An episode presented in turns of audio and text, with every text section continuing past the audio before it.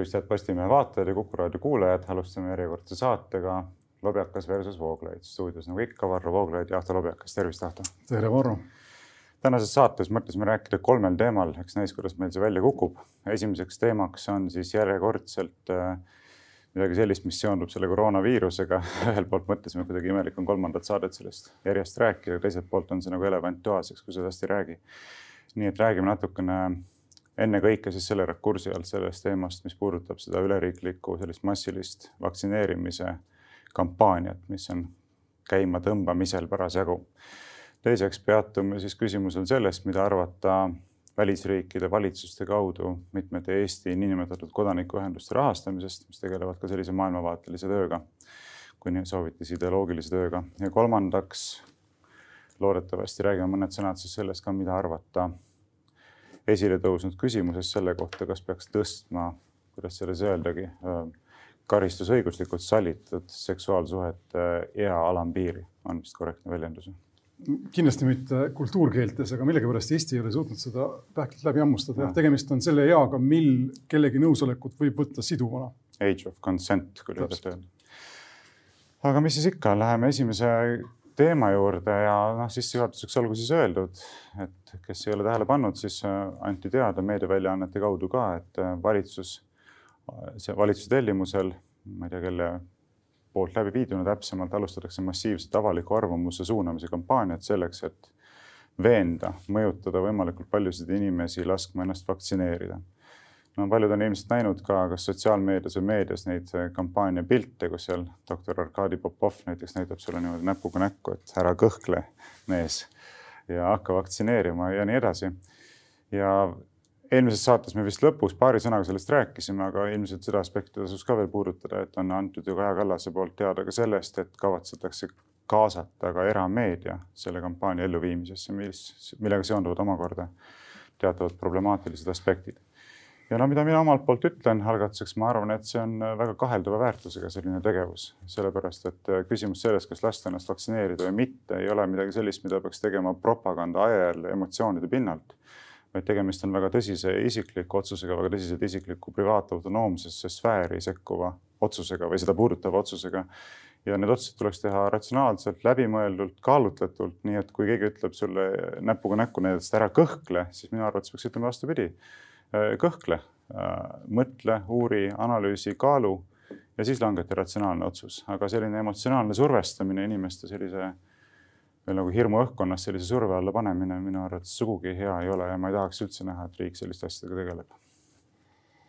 jah, kui nüüd, ühesõnaga minu esimene mõte, ma kaalusin siin päris pikka aega, millest alustada.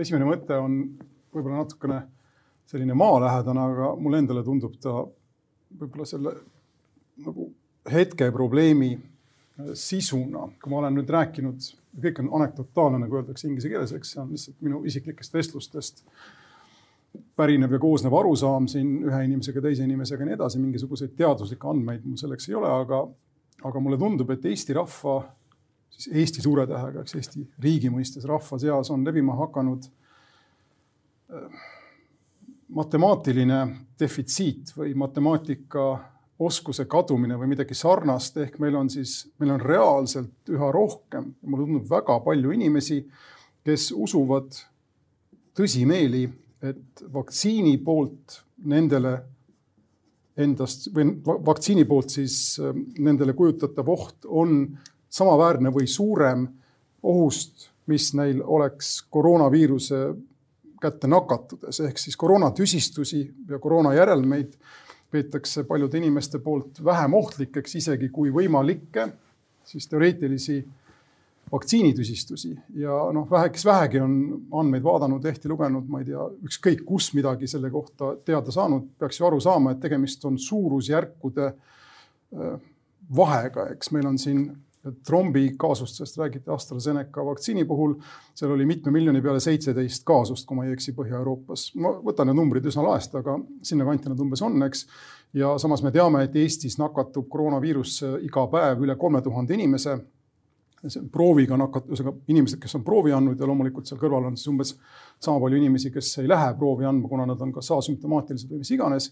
selle arvu pealt meil on teada, et haiglas on meil siin kuussada inimest, mitte rohkem päevas, intensiivis on viiskümmend, kuuskümmend, seitsekümmend inimest ning intensiivi jõuavad tavaliselt vanemad ja haigemad inimesed ning intensiivi jõudnutest omakorda kolmandik siis kas sureb või on neil väga pikaaegsed tüsistused, ehk siis põlvkonnad õpetajalaure keeravad ennast ümber enda haudades praegu, sest et mida, mis tuleb välja, on see, et inimesed ei oska teha meil kõige lihtsamaid liitmis- ja lahutamistehteid.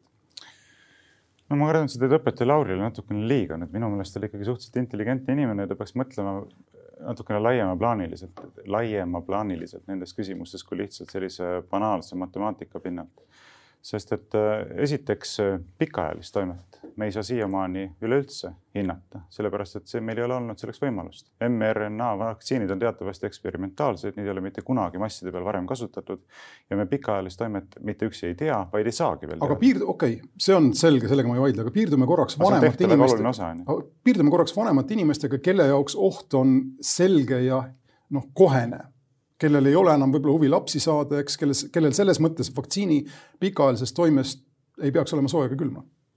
Nojah, vanemate inimeste puhul on see küsimus üleüldse eraldiseisev küsimus, aga kui me räägime näiteks nooremate inimeste, kui me räägime noorematest inimestest, siis nende puhul ju eriti on see küsimus, et aga miks ma peaksin laskma endast sellega vaktsineerida, kui kõike asjaolusid silmas pidades minu suhtes see viirus endast mingisugust reaalselt eriti tõsist ohtu ei kujuta et äh, muuseas, ma sinu juttu kuulates mõtlesin ka selle peale, et äh, kui palju Eestis on koroonaviirusest surnud selliseid kolmekümnendate alguses inimesi.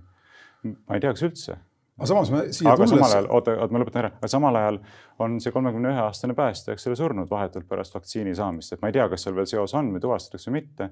aga, aga reaalsus on see, et on, eks. aga ma lisan siia ühe vinjeti või ühe nüansi veel, siia tulles me rääkisime inimesest, ma ei hakka nimesid nimetama praegu, aga neid on päris mit, mitu sellised, ütleme täisjõus mehed, keskealised, kes seda haigust põevad väga raskelt, tüsistustest on praegu vara rääkida, aga kes on põdenud seda haigust kümme-viisteist päeva ja ütlevad, et nad on põrgus ja ei loodaks, et enam välja pääseda noh, muidugi, eks, aga ilmselt on ka neid inimesi päris palju, kes on grippi raskelt põdenud. mina ise, kui ma oleksin kirjeldanud oma kogemust, kui ma grippi põdesin aastaid tagasi, siis mul oli ka ikkagi, ma ei mäleta nüüd nii täpselt, aga ikka pikka aega.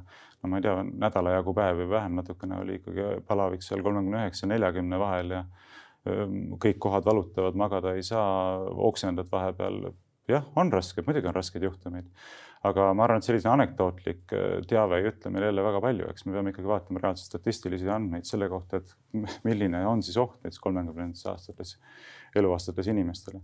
ja muuseas, kui sa mainisid ka seda, et, et kas see vaktsiin nüüd on ohtlik või mitte, siis mind on väga tõsiselt häirinud üks küsimus ja ma saatsin selle küsimuse teabenõudena ka Terviseametile, ma ei ole kahjuks siiamaani vastust veel saanud, neil ei ole ka vist ka veel see vastamiseks ette nähtud aeg läbi saanud, nii et see ei ole etteheide aga küsimus seisneb selles, et miks ei avalikustata igapäevaselt numbreid ka selle kohta, eh, kui paljud nendest inimestest, kes eh, on surnud koroonaviirusega, on eelnevalt saanud kas ühe või kaks doosi vaktsiini ja millist vaktsiini nad on saanud see oleks väga oluline info, seda ei ole raske avalikustada, sellepärast et see info on ilmselgelt olemas, eks kõik vaktsineerimised on kantud mingisugustesse riiklikesse registritesse, seal peab olema see info Terviseametile kindlasti kättesaadav, ehk kui inimene sureb, nad peavad teadma seda, kas ta on saanud vaktsiini või ta ei ole saanud vaktsiini.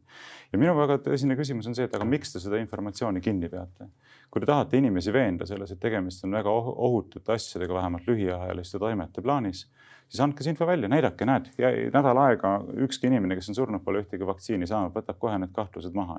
või noh, võib-olla kahtlused jäävad, kas siis räägitakse tõtt või mitte, aga vähemalt eeldades, et räägitakse tõtt, need kahtlused on maha võetud ja ma ei saa aru tegelikult, miks seda infot ei või avalikustada ja ma palusin, et nad annaksid selle info välja. saab näha, kas nad annavad või mitte, ma ei näe ka mitte mingisugust põhjust, miks seda infot ei tohiks välja anda. kui ma selle kätte saan, siis ma kindlasti selle ka omalt poolt avalikustan aga tegelikult ei ole küsimus ainult selles, et kui paljud inimesed on surnud pärast vaktsineerimist koroonaviirusesse nakatununa, vaid võiks anda välja ka info selle kohta, kui paljud inimesed pärast vaktsineerimist on üleüldse ära surnud. eks isegi ilma koroonaviirusesse nakatumata. või kui paljud nendest inimestest, kes on saanud vaktsiini, on sattunud haiglaravile näiteks, eks, et äh, mina kutsuksin küll avalikku võimu üles sellele, et kui te tahate, et inimesed reaalselt usaldaksid võtaks tõsiselt teie kampaaniat, et ärge kõhelge ja nii edasi, et siis tehke omalt poolt ka need sammud, mis on tarvilikud, et inimeste usaldust pälvida siin sa asetad sõrme ühele väga olulisele probleemile ja see on ka osa minu nii-öelda nendest, minu nendest nii-öelda anekdootlikest vaatlustest. kui ma kuulan skeptikuid või skepti-, skeptitsismi kalduvaid inimesi, siis noh, seal on see viroloogiline argument populaarteaduslikul tasandil, eks, aga seal on ka viiteid erinevatele arstidele, juhtfiguuridele, kelle ütleme siis noh, muu elu on küsimärgi all, kes on seal maksupettuse kahtlusega ja nii edasi. seal on viiteid suurtele ravimifirmadele, seal on viited nende kasumile, nende regulatsiooni puudumisele, seal on viiteid halvemal juhul ka inimestele nagu Bill Gates, kes tahtvat meid kõiki steriliseerida ja igasugustele konspiratsiooniteooriatele.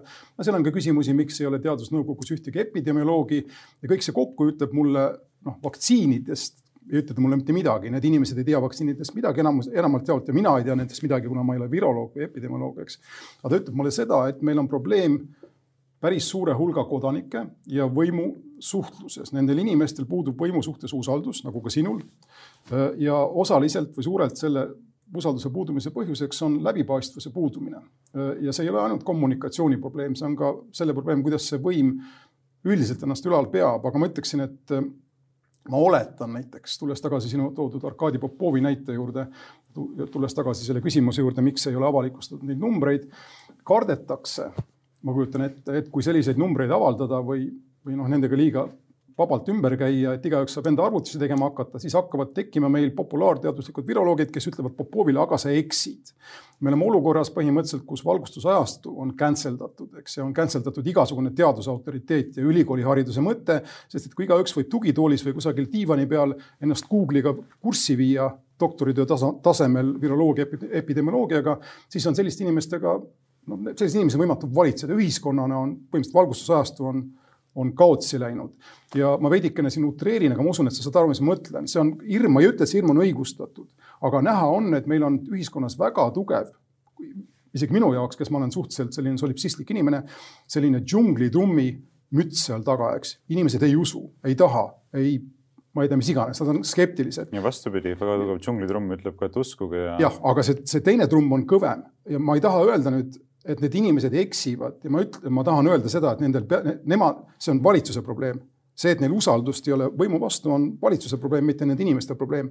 aga ma näen ka seda, kuidas noh, irratsionaalne või ütleme siis mõistusest mitte kantud argument või oma mõistusest kantud argument võtab üha rohkem hoogu ja Eesti pole siin üksi, ma vaatasin nädala sees Saksa lehtedes see, see AstraZeneca hetkeline keelustamine pakutakse, et Saksamaal maksis, ma ei tea, mingi kümme protsendipunkti vaktsiinivaenulikkuse tõusu ehk siis nelikümmend protsenti võib-olla ei lase ennast sakslastest üldse vaktsineerida, mis tekitab siis selle karjaimmuunsuse saavutamise probleemi.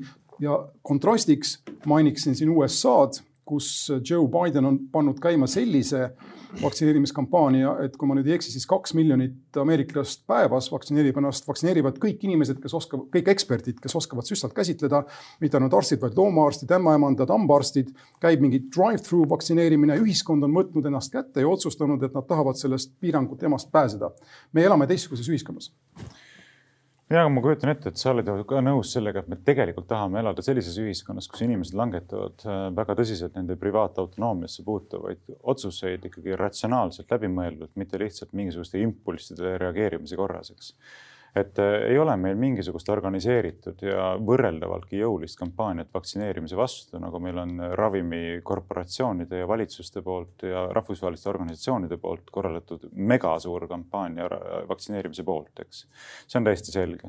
inimesed loomulikult esitavad küsimusi, inimesed on mures, inimesed tahavad, et nad saaksid neid otsuseid langetada täie informatsiooni pinnalt ja neil on täielik õigus seda informatsiooni saada olukorras, kus neilt eeldatakse, et nad laseksid endasse süstida mingisuguseid eksperimentaalseid drooge, eks.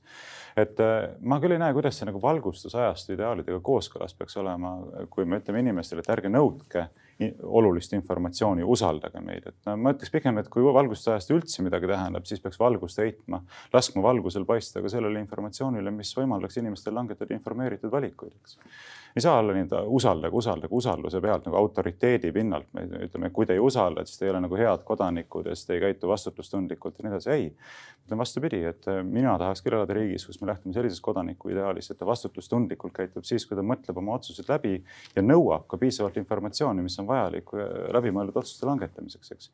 näiteks seesama, millele ma osutasin, et kui me ei tea tegelikult, kui paljud nendest inimestest, kes on saanud ühe või kaks doosi vaktsiini, on reaalselt surnud kas koroonaviirusesse nakatununa või muudel põhjustel noh, siis mina ütlen kohe, et ma ei hakka üldse midagi kaalumagi siin ja kogu jutt sellest, et ära kõhkle, on tegelikult täiesti vastutustundetu ja lubamatu. muuseas, asja teeb hullemaks ju veel see, et ühelt poolt valitsus ise tellib kampaania, kus Arkadi Popov näitab sulle näkku, et ära kõhkle niimoodi. ja teiselt poolt äh, järgmisel päeval, äh, teiselt poolt on siis see, eks, et valitsus äh, ja Riigikogu ise ütlevad, et me paneme iseenda vaktsineerimise nagu pausile, et et ma ei tea, kas sa panid seda tähele, et see oli päris huvitav. seal oli kuueteistkümnes märts. see oli kui... midagi väga kummalist. kummaline, kuueteistkümnes märts on see, kui tuleb teada, et ei, et Eesti ikkagi jätkab selle AstraZeneca vaktsiiniga vaktsineerimist üldpopulatsioonile, ärge kõhelge.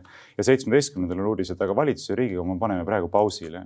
ja see osutus on sellele, et noh vaktsiini on ikka natuke vähe ja võib-olla on teisi, kes vajavad seda rohkem. no vabandust, aga ma esiteks ei usu seda põhjendust ja isegi kui see põhjendus on tõene, siis see on ju selles mõttes nagu täiesti näotu. no kriisikommunikatsioon meil lonkab ja keegi pani puusse, iseenesest ma siit suuremaid järeldusi ei teeks, aga ma tuleks tagasi. aga kas sa ei usu, et see võib olla see tõlgendus, et lihtsalt Riigikogus ja valitsuses on piisavalt palju inimesi, kes ei ole nõus ennast nii vähese informatsiooni pinnalt vaktsineerida laskma? ja kui see info tuleks välja, mis sõnumi see saadaks siis avalikkusele? ma pakun, et neid on kakskümmend inimest täpselt. Need on need inimesed, kes hääletasid Henn Põlluaasa poolt Riigikogu, Riigikogu selle, mis ta on presidendi. ja kui mõtlevad inimesi niigi palju on. aga rohkem ma arvan, neid ei ole.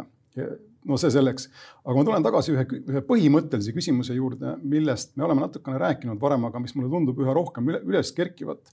vaata, ma ei ole, mul ei ole mitte midagi iseenesest selle vastu, et inimene teeb autonoomseid eneseellu, enese autonoomiasse suhtestuvaid otsuseid autonoomselt, ühesõnaga ise teeb, ise otsustab enda üle, eks see on mulle väga sümpaatne printsiip. aga kui me räägime nüüd teaduslikust materjalist hetkel, viroloogiast ja ütleme vaktsiinidest, siis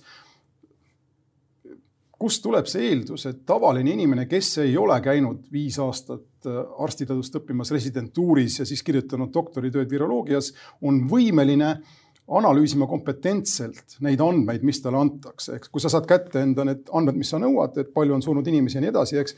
kas see analüüs, mida sa oled võimeline tegema, on siis kuidagi võrreldav sellega, mida oleks võimeline tegema näiteks äh, seesama Arkadi Popov, ehk siis küsimus on mul jällegi see valgustusajastu äh, motiivist lähtuv küsimus, et, et, et mis on sinu jaoks siis üldse sellise erialahariduse ja selle higi ja vaeva äh, väärtus, mille need inimesed on aastate kaupa pannud sellesse hariduse omandamisse, et, et siis midagi teada sellest väljast, eks, või sellest alast, et olla eksperdid. kui niimoodi igaüks analüüsima hakkab, siis me räägime ainult kõik ju populaarteaduslikust mingisugusest sogast ja lõpuks jääb, lõpuks jääb prevaleerima see, mis inimest rohkem veenab, aga see ei ole enam teaduslik argument, vaid see on midagi muud, eks no mina arvan, et inimesele tuleb esitada parimad teaduslikud argumendid, aga lõppastmes peab ju tema ise selle otsuse langetama, sest asi puudutab tema elu ja tervist, mitte kellegi teise elu ja tervist. et Arkadi Popov võib otsustada seda, et kas iseendale lasta seda vaktsiini teha, aga ta ei saa otsustada mitte kellegi teise eest, kas nendele inimestele teha. kõik, mida, kõik, mida tema saab teha, on eks ole pakkuda välja nagu maksimaalselt läbipaistev, selge, täielik informatsioon ja öelda, et näete,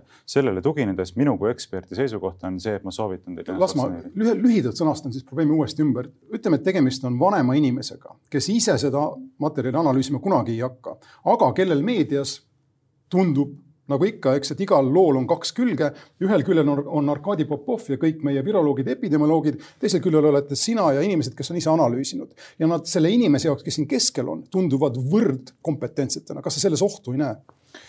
ei no selles mõttes ei näe, et tegelikult kõikide muude meditsiiniteenuste osutamise puhul on ju rakendatud täpselt sama printsiipi, et ma kuulan, mida arstil on öelda, ma kuulan arsti soovitusi, nõuandeid, eks. paremal juhul kuulan mitmete arstide soovitusi, nõuandeid, võrdlen neid omavahel, aga lõppude lõpuks mul on õigus teada, mida minuga teha tahetakse, millist ravimeetodit minu suhtes rakendada tahete ja mul on lõppude lõpuks õigus otsustada, kas ma tahan seda ravi või ma ei taha. sellega ma üldse ei vaidle, aga et meedias on võrdsele positsioonile pandud arvamusliidritena eksperdid ja siis inimesed, kes ei ole eksperdid, sellega mul on probleem ja see mõjutab paljude nii-öelda noh, muidu neutraalsete, muidu mitte arvamust omavate inimeste arvamusloomet, sellega sa pead nõus olema. see, mis sina ütled, näiteks tea, võib avaldada mõju minu emale näiteks. on seda nii tehtud, et pannakse võrdsele positsioonile eksperdid, need, kes ei ole? ütleme niimoodi, et minu jällegi anekdotaalsed vestlused näitavad mulle, et inimesed, kuna nad ei usalda valitsust ja eksperte, usaldavad arvamusliidreid rohkem. no vot jah, mina ei teagi, kes need on, keda siis nagu usaldatakse lõppude lõpuks, ma arvan küll, et tasuks kuulata teadlasi. pärast homset, homset seda mis ta on siis Kuku saade Kuk,, saadet Kukus, ma arvan, et nende inimeste arv järjest tõuseb no ei tea, tahaks loota, aga mina ei esitle ennast muidugi selle valdkonna eksperdina, ma lihtsalt esitlen ennast selle valdkonna eksperdina, mida ma tegelikult nagu mingil määral ikkagi olen juristina. et inimestele tuleb anda piisavalt informatsiooni selleks, et nad saaksid langetada informeeritud valikuid ja seda ma ütlen täie, täie kindlusega, sellest printsiibist ma ei tagane mitte mingil tingimusel. see puudutab nii meditsiinilisi otsuseid, see puudutab kõikvõimalikke muid otsuseid. aga sa vastava kompetentsi või ettevalmistuseta inimesele sa võid anda üks, anda ükskõik kui palju lennukiosi näiteks, ta ei pane kunagi kokku lennukit. nojah, aga ta ei. kuna ta ei tea lihtsalt. aga tal ei ole ka seda vajadust. no aga samamoodi on ju viroloogiaga, see on väga keeruline see on väga keeruline teadus või eriala. sa ei ole ometi selle printsiibi poolt, et me peaksimegi infot kinni hoidma, sellepärast et enamik inimesi ei oska sellega midagi peale hakata. ma ei ole, ma, ma kordan, ma kordan, et see usalduse puudumine on probleem ja ausalt öeldes, ega mul ei ole ka sellele valitsusele praegu siin paremat, noh, see riik valitsus on põhimõtteliselt meil selline nagu ühiskond on ta ära teeninud. aga saame siis keskel kokku, ütleme nii, nii, et ja, sa oled ma... nõus sellega, et informatsiooni tohiks kinni pidada, seda tuleks avalikustada ja. ja mina olen nõus sellega, et eksperte, asjatundjaid tasuks kuulata. ja ilmselge on ju see, et mida rohkem valitsus midagi kinni hoiab, kui ta tõesti kinni hoiab, ma ei ole tuttav sinu korrespondentsiga nendega. no seda on kinni hoitud, seda infot aga ei ole. kui nad hoiavad kinni, siis see loomulikult tekitab inimestes ju kahtlusi ja kõhklusi ja igasugust noh, sedasama süvendab seda konspiratiivset meelestatust ja, ja kellele sellest kasu on ja me oleme tõesti kohal, kus valitsuse päästaks või selle kampaania tõenäoliselt päästaks ainult, ma ei tea, kellegi väga populaarse nagu äh, Turovski värbamine seda sõnumit edastama, keda tõesti usaldatakse väljaspool. ma, no see on laest võetud näide, eks, aga, aga poliitikud sellega hakkama ei saa, see on selge ma selle teema lõpetuseks paneksin ühe asja siia ette ja kutsun üles faktikontrolle teostama selle väite suhtes kontrolli, sest mina ka ei tea, kas see vastab tõele või mitte. ma ise olen püüdnud aru saada, aga pole nagu lõpuni läbi purenud. nimelt ma lugesin ühte analüüsi selle kohta, et Iisraelis oli äh, nende inimeste suremus, kes on saanud ühe vaktsiinidoosi, Pfizer, Modern, äh, Pfizer BioNTechi vaktsiini siis jah, mida Iisraelis massiliselt kasutati. Äh, ühes ja samas vanusegrupis mis see oli siis mingisuguse ajaperioodi jooksul, ma ei tea, kas seal oli kolme nädala jooksul peale esimese doosi saamist, oluliselt kõrgem kui samas vanusegrupis inimeste suremus, kes ei olnud saanud vaktsiini. et seda põhjendatakse sellega, et jaa, et esimene doos veel ei anna täielikku kaitset ja alles tekib see spetsiaalimmuunsus, mida siis selle vaktsiini, vaktsiiniga esile kutsutakse. aga selline väide oli, et see niimoodi oli, nii Äh, kas see nüüd vastab tõele või mitte, ma kutsuksingi maksi, neid faktikontrolöre uurima seda asja, kas see oli nii või see ei olnud nii. Ja kui see oli reaalselt nii, siis tegelikult seda enam oleks vaja teada, et ka mis need numbrid Eestis on, eks. aga sa saad aru sellest muidugi iroonia, asja irooniana, kui sa selle mõtte või kahtluse üles viskad, eks ise öeldes, et sa tegelikult ei tea, mis seal juhtus, siis skeptikuid sa kütad sellega enam-vähem samas stiilis nagu noh, ma ei tea, see küsimus, kas keegi on lõpetanud enda hommikuse konjaki joomise või mitte. juba selle küsimuse ülesviskamine heidab varju tema heale nimele ja, ja muule no, sarnasele, eks niipea kui sa sellel võib see mõju olla ka kõrvalisena, aga samas ma ei saa seda küsimust küsimata, küsimata jätta, sellepärast et see on väga oluline kriitilise tähtsusega küsimus tegelikult. ja kas me tuleme tagasi sinna, sinna kohta, mille, mille ma juba markeerisin, ehk siis valgustusajastu teatud mõttes on lõpetanud toimimise ja sellel saavad olema väga karmid järelmid meie ühiskonna jaoks. okei okay,, pandeemia pandeemiaks tapab ta ainult tuhandest nelikümmend, tuhandest vist neli inimest on see B üks üks seitse variant vähemalt Lääne-Euroopas aga juhtu, juhtub midagi hiljemat jumal hoidku, tulevad venelased üle piiri, pool rahvast ei usu lihtsalt, eks jah, ega inimestel ei tohi valetada, vastasel juhul ongi nagu see muinasjutt, eks ole, kus poisid küüdis hunt-hunt ja lõpuks hunt tuli ja kedagi ei huvitanud enam. aga olgu, siin oleks rääkida veel paljuski, aga läheme teise teema juurde.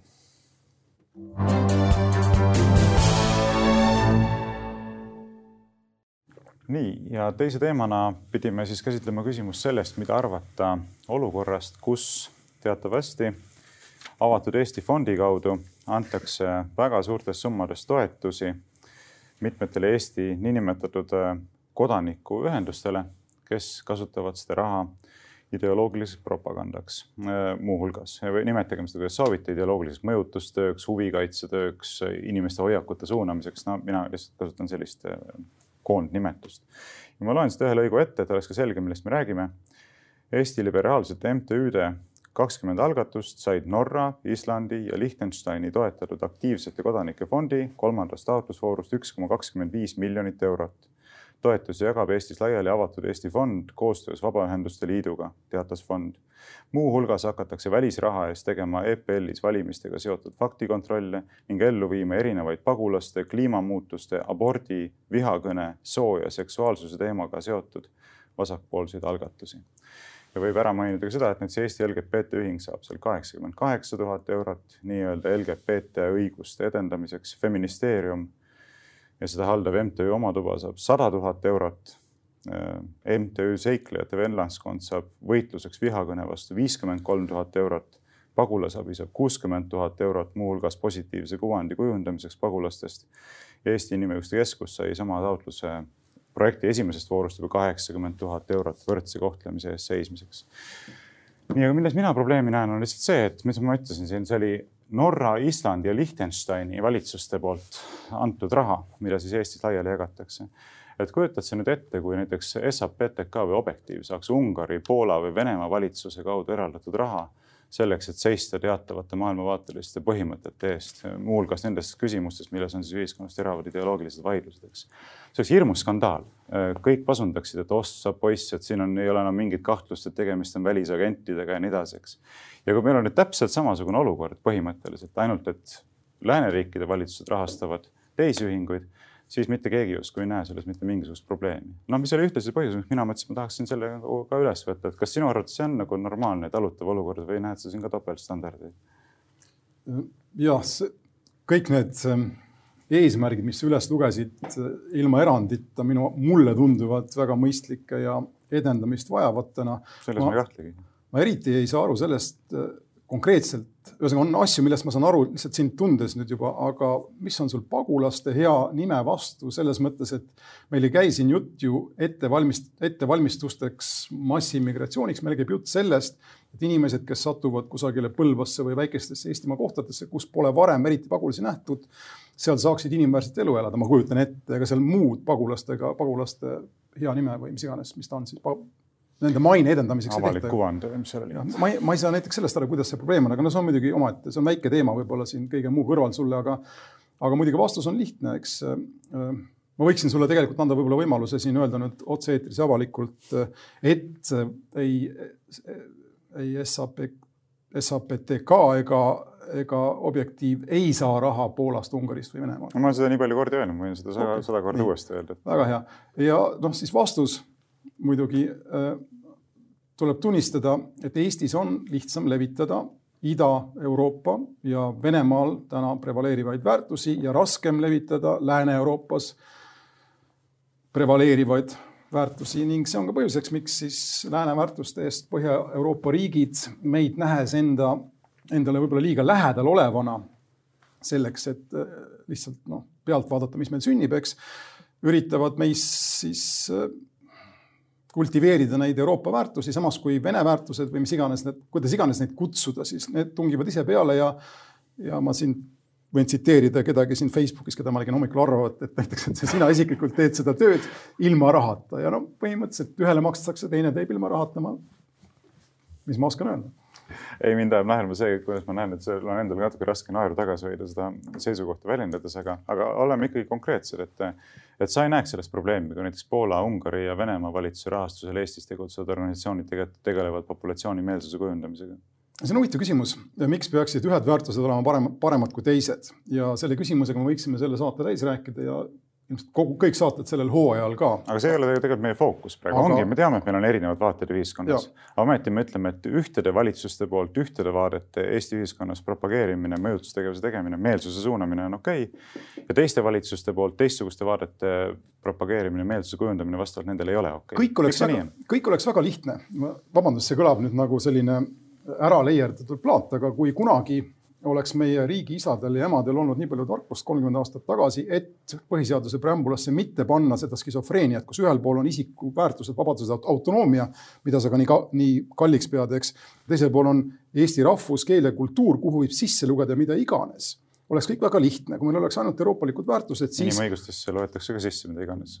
no võimalik jah, aga põhimõtteliselt ütleme niimoodi, et Euroopa õiguse raames, Euroopa väärtuste, normide raames oleks kõik väga lihtne. see, mida Island, Norra ja Liechtenstein meil siin kultiveerida üritavad, on täpselt need Euroopa väärtused. aga neile on võimalik nüüd vastu panna, vastu panna tänu sellele preambulale noh, siis mida iganes, eks, ja vabandust, aga ma siia loen nüüd need äärmus konservatiivsed vaated, mis leiavad kõlapinda millegipärast mitte Liechtensteinis, Norras ega Islandil, vaid Poolas, Rumeenia, Poolas, Ungaris ja Venemaal.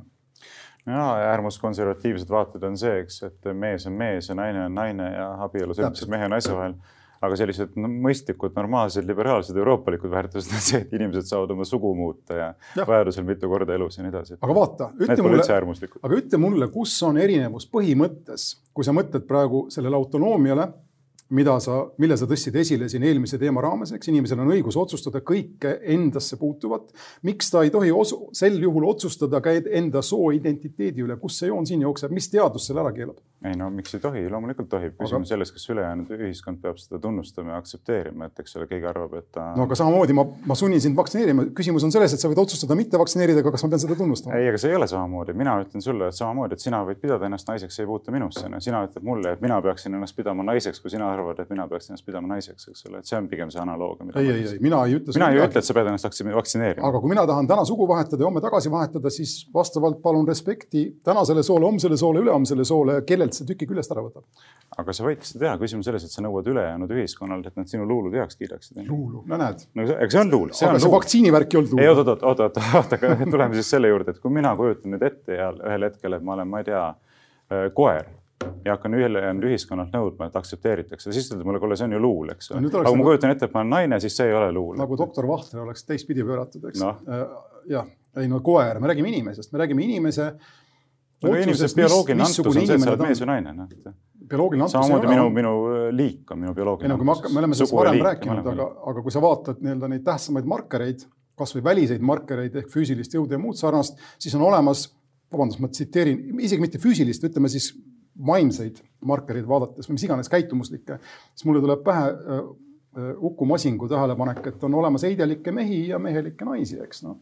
see ei ole sellist sugudevahelist ma ei tea, sellist punast joont või mis iganes, mida, mida, millel käiks mingisugune ingel mõõgaga, vastupidi, see on suhteliselt lai kontiinum, kus keskel on igasuguseid inimesi, kes, kellel tingimata noh, see väline sootunnus ei määra tema käitumist ega ka tema ja, tugevust ega ka tema oskus ega ka tema võimed ega ka tema vaateid maailmale.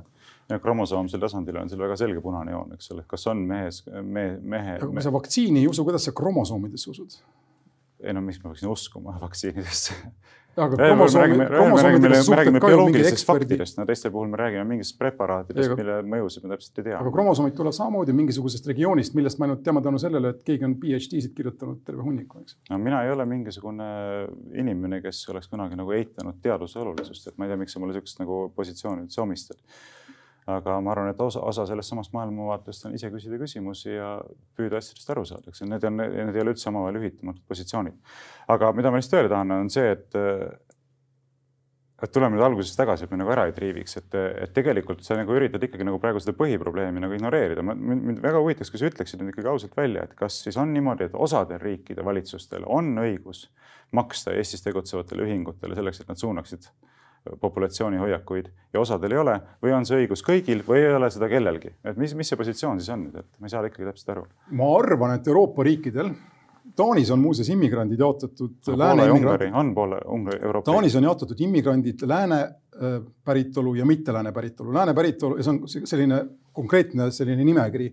Euroopa Liit, Ameerika Ühendriigid, Kanada, Austraalia, Uus-Meremaa ja kõik no nüüd ka Suurbritannia, eks, ülejäänud on mitte lääne. ma ütleksin, et äh, lääne, ütleme niimoodi siis, et Euroopa väärteid, väärtusi tohib Eestis kultiveerida iga riik, mis on euroopalik ja see muidugi jätab siis välja Rumeenia, Bulgaaria, äh, Tšehhi, Slovakkia, Ungari, Poola, kuna nad pole ära teeninud seda nimetust, aga Liechtenstein ja Liechtenstein, Island ja Norra kuuluvad sinna kenasti. aga ma tulen tagasi, et sulle ei tunduks ühepoolsena.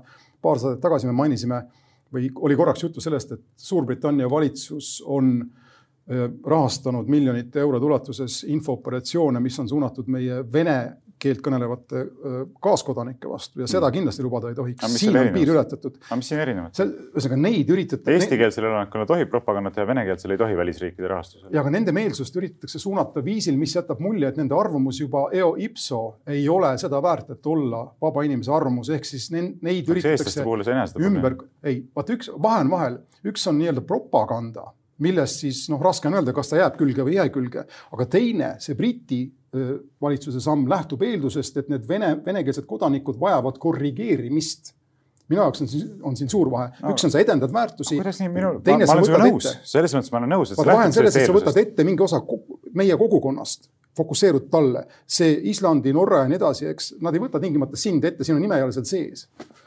et kui propagandat tehakse osale ühiskonnast, siis see on lubamatu, kui tehakse tervele ühiskonnale, siis on lubatud. kusjuures see on ka Euroopa väärtus, et sa ei tohi ühiskonda niimoodi äh, jooni tõmmata sinna, eks. teatud küsimusi ei tohi küsida no seda ma ei ole nõus aga.... miks on meie venekeelsed kodanikud näiteks rumalamad või halvemad meist?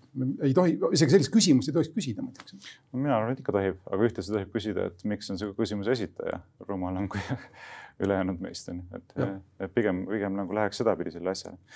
aga noh, mida ma omalt poolt ütlen, on küll see, et, et me peaksime kuidagi ühiskonnal nagu üritama hoiduda niisugusest topeltstandardite rakendamisest ja minu positsioon on väga selgelt see, et kui me ütleme nii, et kui meedia näiteks, liberaalne meedia ei näe mitte mingit probleemi sellest, et Norra, Islandi ja Liechtensteini rahastusel tehakse Eesti populatsioonile meelsust kujundavat propagandatööd.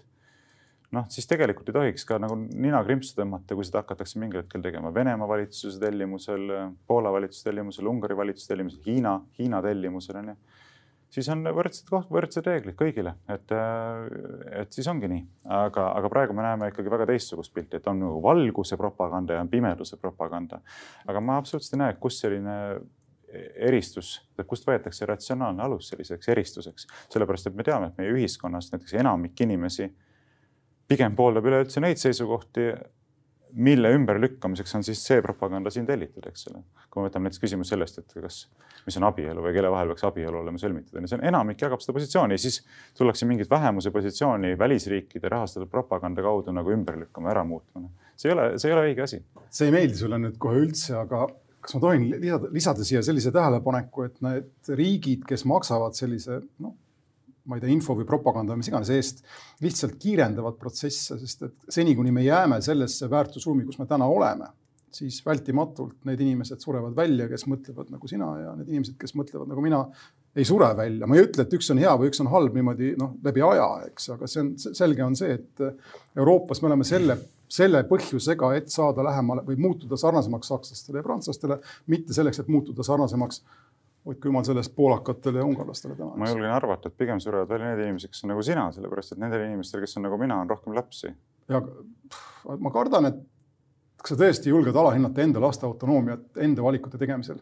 väga, väga julge eeldus. ei julge alahinnata, aga ma julgen arvata, et on ikkagi võrdlemisi tõenäoline, et perekonnas kantakse väärtus edasi, et. aga noh, see selleks, igal juhul sellega me, seda näitab ka veel alles aeg, et kas jätkusuutlikuks osutuvad need ühiskonnad, mis sinule sümpatiseerivad ja. või osutuvad pigem sellised nagu Poola ja Ungari. nii et äh, ma ei oleks selles sugugi nii kindel, et need ei osutu jätkusuutlikuks, lihtsalt aeg, aega peab natukene andma sellele protsessile. aega meil on. nagu me teame, kes paneb kümne kilomeetri stardist täie hooga minema, ei ole tingimata selle võistluse jooks, jooksuvõistluse võitja, eks spordianaloogiat kasutades, aga no mis seal ikka eks see on teema, mille juurde tuleb veel tagasi tulla, aga läheme praegu kolmanda juurde, et sinna ka natukene aega jääks.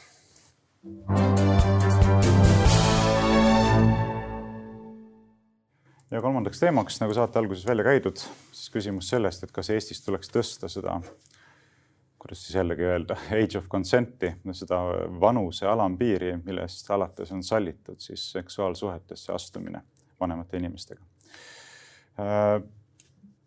küsimus tõusetus seonduvalt siis selle brasiillasest jalgpallitreeneriga, kelle kohta on tulnud välja, et ta juba palju aastaid tagasi, vist viiekümne kolme aastaselt, kui ma õigesti mäletan, äh, oli seksuaalsuhetes neljateistaastase tüdrukuga siin Eestis. see ei olnud küll otseselt tema treeninggrupi liige, aga, aga siiski ta vist osutas talle ka treeneri teenuseid eraviisiliselt. Äh, noh, see ei olegi võib-olla kõige kesksema tähtsusega küsimus siin, igal juhul äh, on see tõstatanud küsimuse, et kas peaks seda lubatud äh, eapiiri tõstma. ja no mida mina oskan öelda, ma arvan, et see oleks mõistlik ikka, et ühiskonnal on kohustus kaitsta inimesi, eriti noori inimesi äh, kuritarvituste eest ja, ja mina näen, et siin on väga suur kuritarvituste oht, et neljateistkümne aastane inimene üldreeglina, ma tean, et on erandid, eks alati on erandid, et on mõned inimesed, kes on varem küpsed ja teised on hiljem küpsed ja nii edasi. aga üldreeglina ei ole piisavalt küps, et langetada otsuseid, millega kaasneb nagu niivõrd suur vastutus, eks. et me ju ei luba alaealistel isegi pudelit õlut osta, ennem kui nad on kaheksateistaastased. isegi lahjat pudelit õlut, eks, me ei luba neil autorooli astuda, istuda. me ei luba neil mitmesuguseid muid asju teha, kasiinos ei saa vist käia ennem kui kahekümne ühe aastaseks saada ja nii edasi. et ma arvan, et seksuaalsuhetega kaasneb palju suurem vastutus, muuhulgas vastutus sellega, mis kätkeb nagu võimalust, et antakse alus uuele elule ja nii edasi nii et äh, mulle tundub see mõistlik ja pigem tekiks tek,, tekib minu jaoks küsimus sellest, et kes olid need inimesed, kelle eestvedamisel see vanusepiiri üleüldse Eestis sinna neljateistkümne aasta peale langetati, mis ju ilmselgelt ei ole kooskõlas ka sinu poolt palavalt armastatud euroopalike väärtustega, sest enamikus Euroopa riikides on see piir oluliselt kõrgemal, enamasti vist kuueteistkümne peal. Prantsusmaa võis see olla, seal tõsteti või olla, ollakse selle protsessi keskel praegu, tõsta viieteistkümne peale oma põhjustel, seal on väga palju olnud. Neil on ka neliteist või?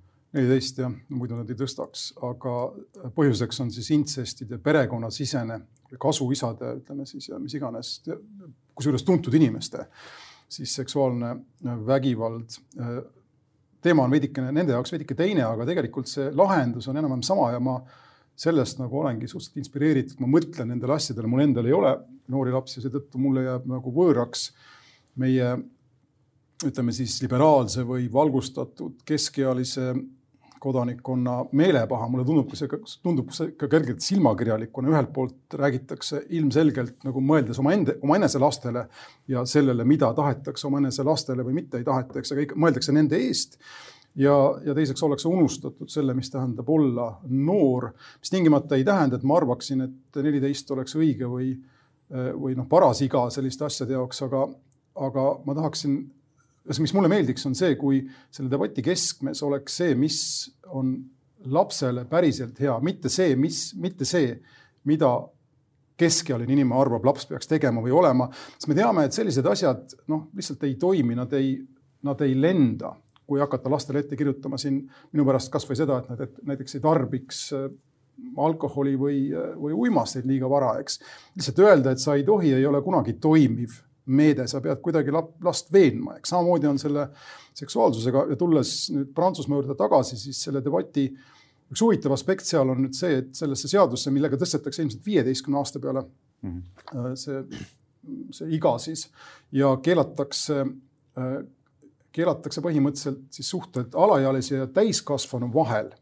see on ka üks huvitav nagu vaade, eks sellele ealisele erinevusele aga lubatakse nii-öelda Romeo ja Julia stiilis romansse ehk siis äh, noh, seal on mingi võimalus, et kaheksateistaastane poiss näiteks satub või suhtesse neljateistaastase tüdrukuga, mis iganes ja selles Romeo ja Julia äh, klauslis on minu arvates üks selline noh, mõtlemise koht kõikidele ühiskondadele, mis on selliste asjade väärtus. Läänes on ilmselgelt tal ka juba kultuuriline väärtus sellele samale Romeo ja Juliale toetudes, eks.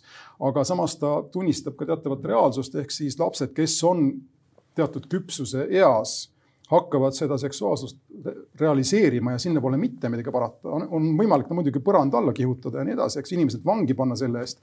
aga kas sellel on mõtet? ja, ja ma vähem räägiksin sellest, kui kole on mõte sellest, et viiekümne kolme aastane inimene magas neljateistkümne aastasega ja ma räägiksin rohkem sellest, mis on tegelikult nendele lastele vaja ja kuidas seda mõistlikult teha ja mõistlik on loomulikult kaitsta neid igasuguse manipuleerimise eest ja on ju Eestis ka olemas seadused, mis võiksid selle, mis ilmselt lubaksid selle brasiillasega lihtsalt ilma igasuguse seksuaalsuseta äh, süüdi mõista selles, et ta on enda positsiooni ära kasutanud äh, selles võimuhierarhias, eks, kus ta on ühe mõju, kus ta on palju noorema inimese mõjutajaks. seda ei tohiks olla. Eestis kusjuures seda seadusandlust ei ole praktiliselt, mis keelaks seksi eest näiteks edutada inimesi või seda ma ei oska praegu kiirega kommenteerida ja kuna saateaeg on otsa saamas, siis ma ütlen omalt poolt paar asja, et esiteks äh, on huvitav, et sa vist ei ole siin nagu eriti silmapaistev euroopalike väärtuste austaja, sellepärast et ma kunagi uurisin seda asja, ma peaaegu peast ei mäleta, aga enamikes Euroopa riikides on see piir kõrgem kui Eestis, on ta viisteist, kuusteist ja äh, seal. aga ta on ju subjektiivne arv, ta on ju laest ja, võetud number. aga, aga enne ometi need enamik sinu poolt palavalt armastatud Lääne- ja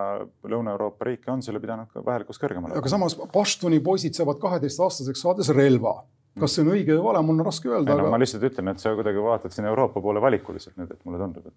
ei, no põhimõtteliselt ikkagi see on ju, ma ütlen, see on see on suvaliselt võetud number, mis ei kehti ka puht füüsiliselt arengult kõigi kohta ju. aga kas me peaksime ühiskonnana no. seisma selle eest, et viiekümne kolme aastased mehed ei saaks äh, neljateistaastaste miks... poiste või äh, tüdrukutega seksuaalsuhteid praktiseerida? aga miks mitte seitsmekümne kolme või kolmekümne kolme aastane mees? ega vasta konkreetselt küsimusele. sellepärast, et inimeste peas on pilt sellest, äh, vabandust õlisest brasiillasest, eks see on selline rassistlik. aga selles ei ole midagi väärtuslikku, viiekümne kolme aastane mees saab ei... astuda seksuaalsuhetesse täiesti takistamatult õiguslikus mõttes neljateistaastaste poiste või tüdrukutega. aga mis on parem, kui see on kolmekümne kolme aastane? manipulatsiooni aste on oluline.